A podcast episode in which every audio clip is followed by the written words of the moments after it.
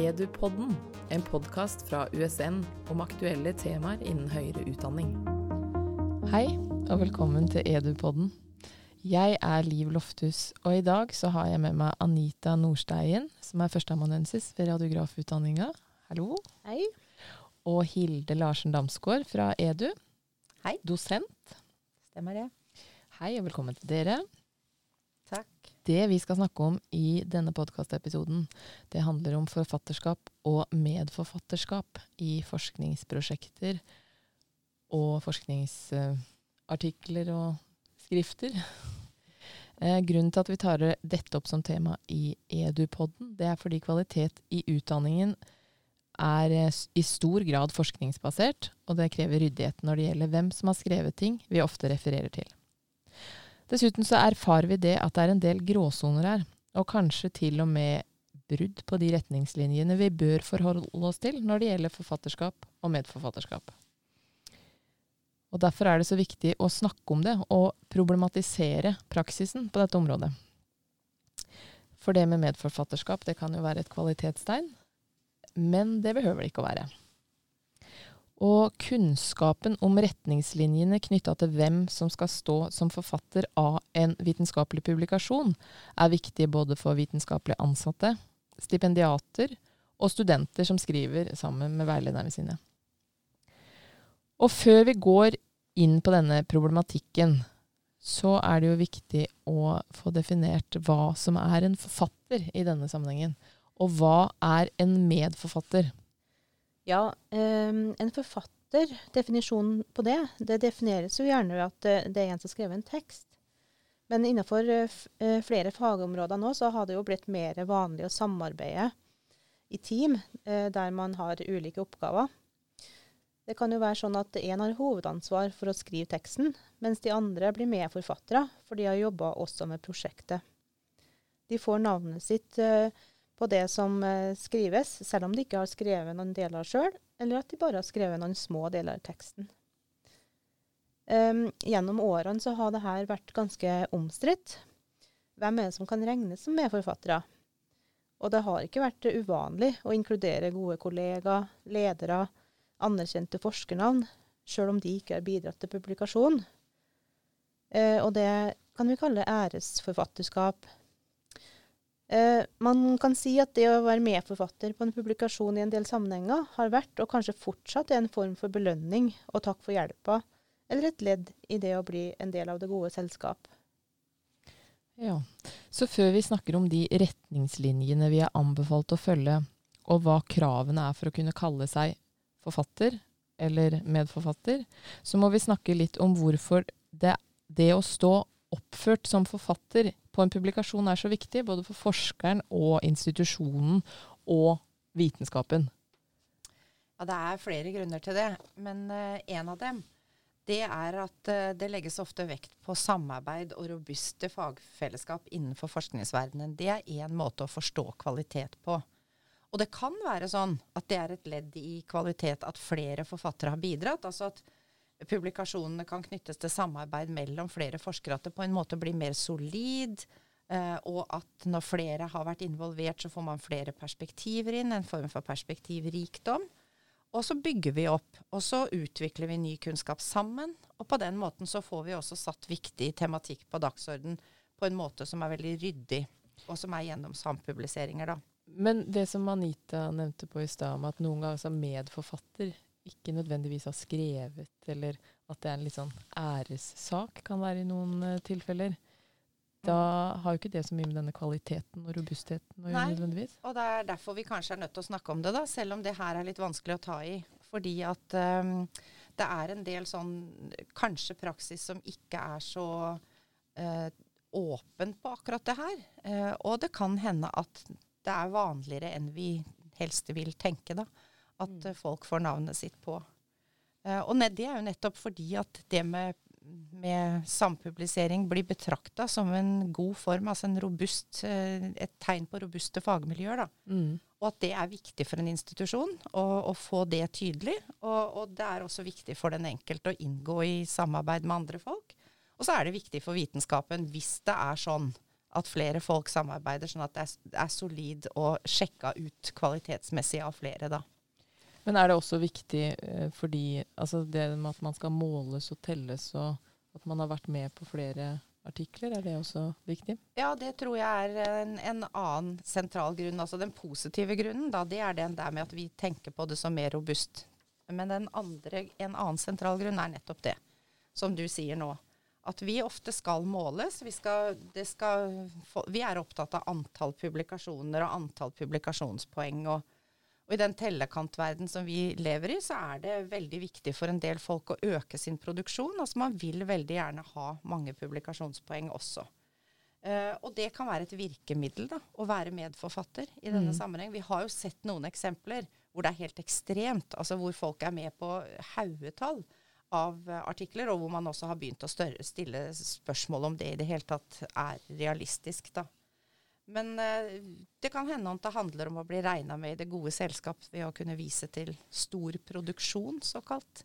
Og, ja. og, da er det viktig for institusjonen, kanskje, i, altså, i, den grad det er reelt. da. Og det er viktig for den enkelte. Men det er, ikke sikkert at det er så viktig for uh, vitenskapen. Nei, det høres jo liksom kvantitativt ut i noen tilfeller. Man skal kunne telle. Ja, mm. kanskje blir det sånn at det er viktigere det da, enn hva det er som står i artikkelen, og hva kvaliteten på artiklene er. Og så hvis ikke det er en reell deltakelse, men mer en sånn pragmatisme eller en måte å oppfylle kravet om publikasjon på, så er det problematisk. Ja, og en av de viktigste grunnene til at det er problematisk, det er jo at det ikke er tråd med sentrale nasjonale og internasjonale kriterier for hvem som skal regnes som forfattere av en artikkel. Eh, vi har jo det som heter for Vancouver-reglene. Eh, de ble laga i 1985 av en gruppe redaktører i medisinske tidsskrift.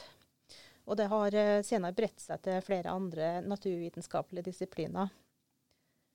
Og når man ser på de kriteriene, så er det jo viktig å holde tunga rett i munnen.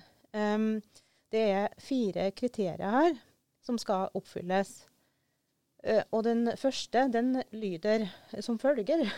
Uh, det er, altså, skal være vesentlige bidrag til idé og utforming eller datainnsamling eller analyse og tolkning av data. Og det andre kriteriet det går ut på at utarbeiding av selve manuskriptet eller kritisk revisjon av artikkelens intellektuelle innhold skal være en del av forfatterskapet. Da. Og tredje kriteriet det dreier seg om godkjenning av artikkelversjon som skal publiseres. Og nummer fire innebærer en enighet om å være ansvarlig for alle deler av arbeidet. Og alle de fire kriteriene skal imøtegås for å kunne kalle seg forfatter eller medforfatter? Ja, det er i hvert fall sånn uh, innenfor uh, de medisinske fagområdene. Mm. Jeg syns jo det, Altså den første du nevnte, vesentlig bidrag til idé og utforming eller datainnsamling. Så vesentlig, hva er det? Ja, det er jo veldig ullent, det begrepet her, da. Um, så jeg syns jo fortsatt at de kriteriene er litt vanskelig å forholde seg til.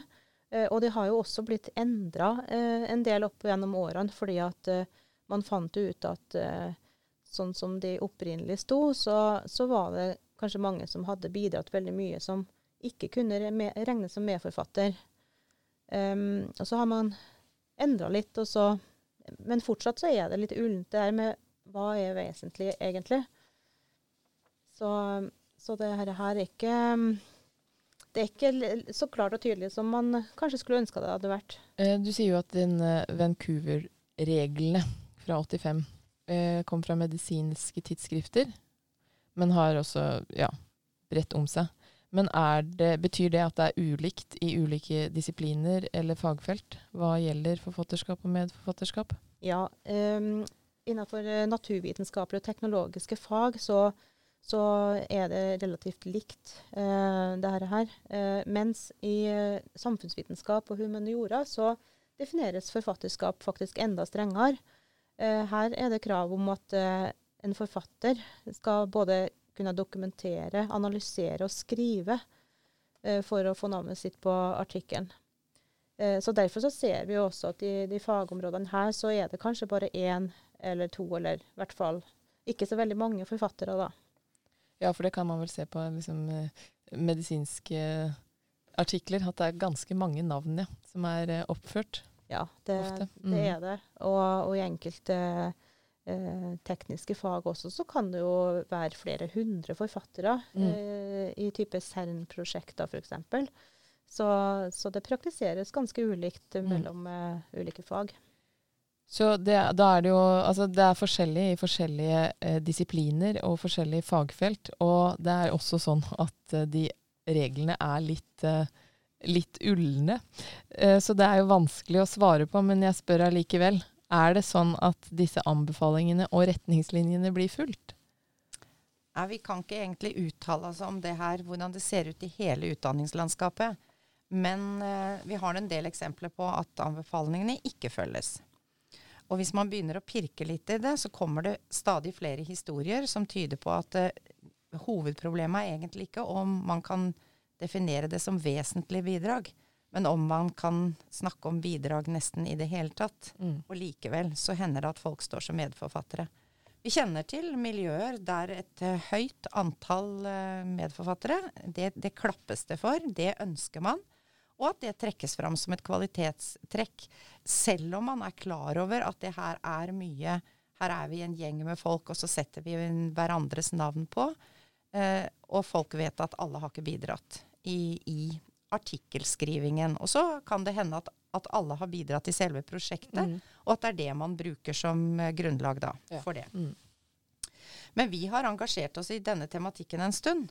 Og i den uh, forbindelse så har vi faktisk fått en del historier som vitner om en praksis som ikke er i samsvar med de anbefalingene som er gitt.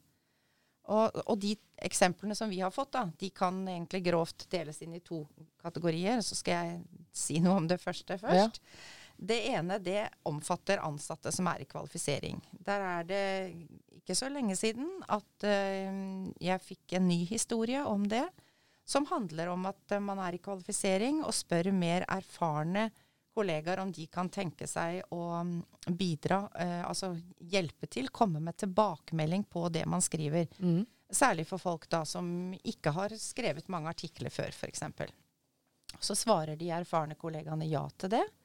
Eh, og så, eh, når arbeidet er ferdig Altså, de har ikke skrevet et ord på artikkelen. Og ikke er de egentlig involvert i designen av studien og ikke i datainnsamling, men de vil likevel ha navnet sitt på. Ja. Og den som sist fortalte denne historien, da, sier at det er jo veldig vanskelig da å si nei til det når det er erfarne kollegaer. Man er nesten i startgropa selv, og det er sånn at argumentet fra de erfarne kollegaene er at vi pleier å gjøre det på denne måten. Ja, da er det vanskelig å si noe på det, ja. Jeg er jo veldig opptatt av stipendiatene. Jeg har jobba Mm. veldig mye med de de siste årene, og har egentlig nettopp vært stipendiat sjøl også. Eh, og de snakker jo om samme erfaring. Her handler det jo ofte om eh, at veilederen insisterer på å være medforfatter på stipendiatens arbeid. Um, de gir en vanlig veiledning, kanskje. Um, og de gir respons på teksten. Eh, men har kanskje ikke skrevet noe, heller ikke vært med på datainnsamling. Um, men vil likevel da ha navnet sitt på publikasjonene. Selv om det kanskje er mer en um, vanlig veiledning som, som har vært gitt. da. Eh, stipendiatene sier jo at det er vanskelig å stå imot det. Noen sier at eh, det kan jo ikke falle dem inn å si imot det midt i en stipendiatperiode. Um, for det er jo um, litt kritisk i forhold til, til å, å få gjennomført. Uh, så derfor så gjør de det som de blir bedt om. Og begge disse to eksemplene her, de er jo problematiske. Både fordi anbefalingene som eh, vi skal prøve å forholde oss til, ikke følges, og fordi det i de tilfellene vi snakker om her, er, eh, absolutt handler om asymmetri og makt. Mm. Altså Mm. Stipendiateksempelet det viser jo at det er behov for å avklare grenseoppgangene mellom hva det er å være veileder og rollen som medforfatter. Fordi at hvis man gjør det som er veilederens oppgave, så er jo det bl.a. Å, å gi innspill og tilbakemeldinger på ting som studenten jobber med, eller stipendiaten jobber med. Og det kan ikke automatisk danne grunnlag for at man skal stå oppført som medforfatter. Men er det klare retningslinjer på hva veiledning er? Nei, det er ikke klare retningslinjer på hva veiledning er, sånn at man kan si at det, det er spikra, liksom. Mm. Dette i punkter, åtte punkter nedover. Men eh, noen utdanningsinstitusjoner har eh, notater eller retningslinjer for veiledere som sier noe om at det innebærer at de skal følge studentens arbeid og gi tilbakemelding på studentens arbeid. Mm. Og da blir det litt vanskelig å tenke at det er hovedgrunnen da, um, for at uh, de da skal ha navnet sitt på. Og så blir det en ting til, og det er at uh, hvis det er sånn at, eh, at stipendiater eller folk som er i ansatte som er i kvalifisering, hvis de møter en praksis som er sånn som vi beskriver nå, Ja. hvordan skal vi da se for oss at Komme ut av det. ikke sant? Mm, Og hvordan blir jo en skal, kultur, de, hvordan skal de da i, i neste omgang være folk som prøver å etablere en annen kultur, Mm. hvis de erfarer at det er så vanskelig som det er? Så blir man jo satt i en eh, skikkelig skvis her, da, for at eh, både ansatte i kvalifisering og stipendiater skal jo eh, legge ved et vedlegg til opprykkssøknad eller avhandlinger der man beskriver hvem som har gjort hva. Og hvis man skriver det som, eh, som det er, så kommer det jo fram at det er brudd på Vancouver-reglene. Og pynter man på sannheten, så bryter man med, jo òg med etiske retningslinjer. Men det med altså, brudd på Vancouver-anbefalingene, hva skjer da? Nei, det skjer jo uh, ingenting. Ingenting, Det, Nei, det vet vi jo. Det er, sannsynligvis skjer det ingenting. Men, men det er jo en, et skikkelig dilemma. Fordi at uh, en del av å kvalifisere seg er jo også å lære seg til å forholde seg til forskningsetiske retningslinjer. Mm. Så, her, Mm. så, så vårt anliggende er jo egentlig også at man spiller på en måte stipendiater og folk i kvalifisering til juling her. Fordi at eh, de kan, syns ikke de kan si nei. Og så vet de, hvis de har skolering i Ja. dette, at da er de inne på noe som ikke stemmer med det de lærer. Men, ja, for da, tenker, da lurer jeg også på hvem er på en måte ansvarlig i dette her. Da man har fulgt de retningslinjene når man skal skrive under på at man har fulgt de. Er det ja, stipendiaten eller den som er i opprykk, eller er det den medforfatteren eller veilederen som Det er jo den som, eh, som er i, i opprykk og stipendiaten som leverer erklæringene. Så sånn sett så setter man jo navnet sitt under på at her har det vært Den har hatt ansvar for det, eller her har vi delt på den og den måten. Og hvis Mm. det da ikke er riktig, så tvinger det jo folk til å gjøre noe de ikke burde gjøre, da. Men det du sier, Anita, oss, det der med sant, første forfatter eller andre forfatter eller, eller medforfatter For der er du inne på en annen kilde til konflikt. Det der med rekkefølgen. For hva sier egentlig den rekkefølgen, og hvilken betydning har det? Ja, eh, vanligvis så sier det jo noe om hvem som har bidratt med hva i arbeidet, men eh, det, her er det ulik praksis ut fra fagtradisjon. Eh, før så var det faktisk mer vanlig at forfatternavnene ble satt opp alfabetisk. Og da var det jo veldig kjekt å ha et eh, etternavn på A. Ja. eh, det er jo den mest synlige plassen. Eh, når du står som førsteforfatter, så, så ser man det jo i enhver henvisning i tekst og i referanselista at man står først. Og i noen få fag så gjelder jo det her også eh, fortsatt, faktisk. Em, en annen tankegang når det gjelder forfatterrekkefølge, er jo at den som er mest erfaren, på en måte gir den uerfarne uh, førsteforfatterskapet, for at den er i startgropa av karrieren, og den trenger å være uh, førsteforfatter med tanke på videre kvalifisering. Uh, men det er jo ikke like viktig for den erfarne. Men da, bare et lite innspill der, for det er jo litt interessant hvis det er sånn i, i den eh, Hvis det har en sånn tankegang at den mest erfarne Altså da, da er man jo enig om at den rekkefølgen ikke egentlig betyr noe, da, så da betyr den vel ikke noe Jeg tenker at uh, min erfaring er jo og at dette her faktisk er helt reelt. At uh, den som trenger mest å være førsteforfatter med tanke på egen kvalifisering, uh, den får jo også jobben med å drive prosjektet framover. Mm. Og den skriver det meste av teksten. Mens den som eh, kanskje har bidratt mest til datainnsamling metode, kan bli en andre forfatter. Det er jo også en veldig viktig eh, posisjon i denne eh, rekkefølgen. Um, innenfor helsefag i hvert fall, så er jeg vant til at uh, siste forfatter er en uh, veldig viktig posisjon, og den tildeles gjerne prosjektlederen eller veilederen. Um, men uh, hvis det er sånn at man i meritteringa si uh, også trenger et siste forfatterskap, at man trenger å være, vise til at man ha, også har leda forskningsprosjekter, så kan det være det at man bytter om på den rekkefølgen. Så man prøver på en måte å få en rettferdig omfordeling av de her rollene eh, og de oppgavene som følger med den, den rekkefølgen da, eh, i ulike prosjekter i en forskergruppe. Men nå sier du at det er, sånn er det i helsefag med disse eh, første, andre og siste. Er det likt i alle fagområder? Nei, det er jo ikke det. Det kan f.eks. være sånn at uh, sisteplassen, det er den ingen har lyst til å ha, fordi det er den minst prestisjefylte. Ja. Så um, det er også en variant. Men um, en annen mulighet, da, det er å gjøre det sånn at den som, som Anita sier, da har hatt hovedansvaret, faktisk står først. Mens andre bidragsytere står oppført ut fra omfang av innsats i, i helheten, altså med skriving inkludert. Men da må det jo være sånn at de som står oppført, er folk som reelt har deltatt. Uh, og, og det, er, um, det, er litt, uh, det, er, litt, problematisk i, um, i de, at dette her er sånn at det er litt forskjellig fra felt til felt. Mm. Og, og, det er også sånn at uh, man havner i en del problemer, særlig som stipendiata, hvis dette ikke er avklart.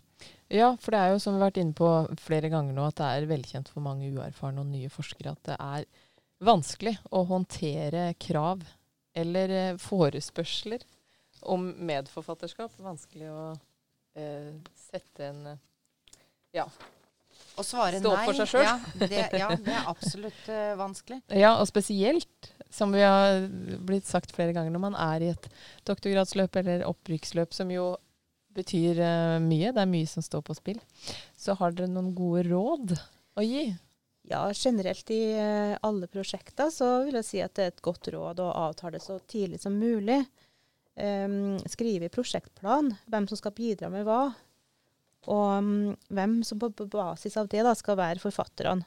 Og den rekkefølgen de skal føres opp i. Så det er viktig med en skriftliggjøring eh, av det i en tidlig fase, tenker jeg. Eh, og så er det jo viktig å ta opp underveis også. Det kan jo fort skje noen endringer. At, eh, at noen av de som skulle være med i prosjektet, ikke fikk bidratt likevel. Så da må det jo få konsekvenser for medforfatterskap.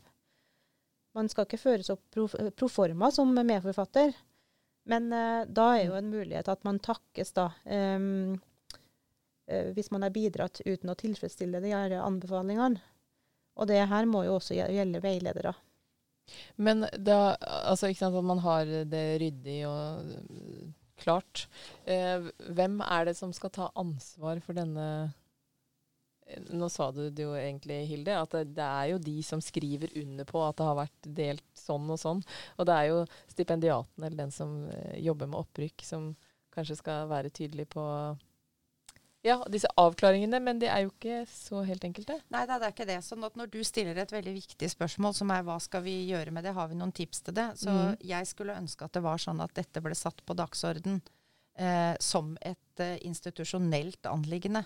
Altså at ikke det blir sånn at det er opp til den enkelte stipendiat eller, opp, eller den som er i kvalifisering, eller på annen måte er kollega i og, og, havner i dette. Jeg skulle ønske at det her var noe vi diskuterte i langt større grad. Altså For poenget er ikke å hindre folk i å være medforfatter hvis de har bidratt. Mm.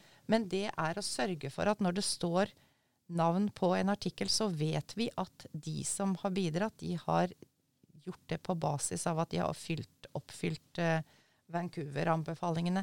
Så det Men å gjøre det til en vi, tematikk, ja. altså mm. snakke mm. om det som en del av utdanningskvalitet i Norge i andre land, det er faktisk ganske viktig. Og jeg har bare lyst til å si en ting i den sammenheng òg, fordi at vi vet jo det.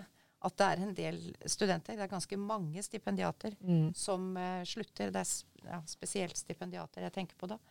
Uh, og det uh, man kan jo ikke se bort fra, uten at vi har undersøkt og vet det, men vi kan ikke se bort fra at det også om en, handler om en del sånne ting som det her. Altså at man havner i sånne, sånne skvis, og, ja, skvis ja. og ikke helt vet hvordan man skal håndtere det, da. Mm. Men da, nå sier du jo at det burde institusjon, altså, institusjonelt tas tak i, og kanskje nesten eh, på kryss av eh, institusjoner òg. Men har dere noen tanker sånn avslutningsvis om hva som skal til for å få en mer ryddig praksis på dette området? Sånn i tråd med da Vancouver-anbefalingene.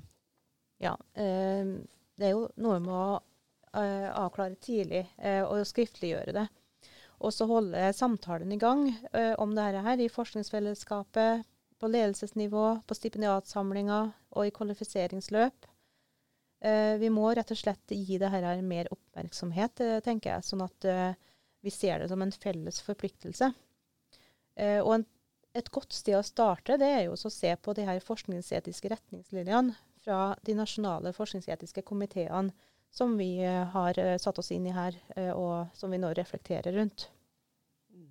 Hilde, har du noen ja, siste tanker? På, jeg har lyst til liksom å stille noen spørsmål knytta til det med hvordan vi forstår kvalitet. Um, altså er kvalitet å ha mange publikasjoner, eller er kvalitet sånn at man virkelig har jobba ordentlig grundig med noe? Mm. Vil vi ha et system framover som er så opptatt av tellekanten at vi, at vi nærmest oppfordrer folk til å kutte hjørner eller finne fram til pragmatiske løsninger som gjør at man kan tilfredsstille dette produksjonskravet. For vi kjenner jo på det alle, at det er noe av det det rettes oppmerksomhet mot. Hvor mange publikasjonspoeng hadde du sist år, liksom? Mm. Uh, og, og, når vi ser at det er både gråsonepraksis og eksempler på at anbefalingene brukes, og så vet vi samtidig om at det handler også om makt og posisjon, så er det helt nødvendig å stoppe opp og finne ut hva som skaper den praksisen. Og så trenger vi å få noe sånn best practice her. Altså det er jo fagmiljøer som lykkes veldig godt med det her, og som er ryddige på det. Og det å få fram hva det er de gjør for å få fram de der fagfellesskapene som preges av reelt samarbeid, da, også når det gjelder formidling, det er jo én måte å, å gjøre det på. Som stipendiat eh, sjøl, og med kjennskap til ganske mange i samme situasjon, så syns jeg det er så godt å høre at det tas tak i dette her. For de fleste, vil jeg nesten si, som jeg har snakka med, har jo på et eller annet vis lurt litt på denne praksisen. Så det at det tas tak i, og at dere her fokuserer på det, det tenker jeg er så viktig. Å starte en diskusjon rundt dette her. Så tusen takk, Anita og Hilde praten. Edupodden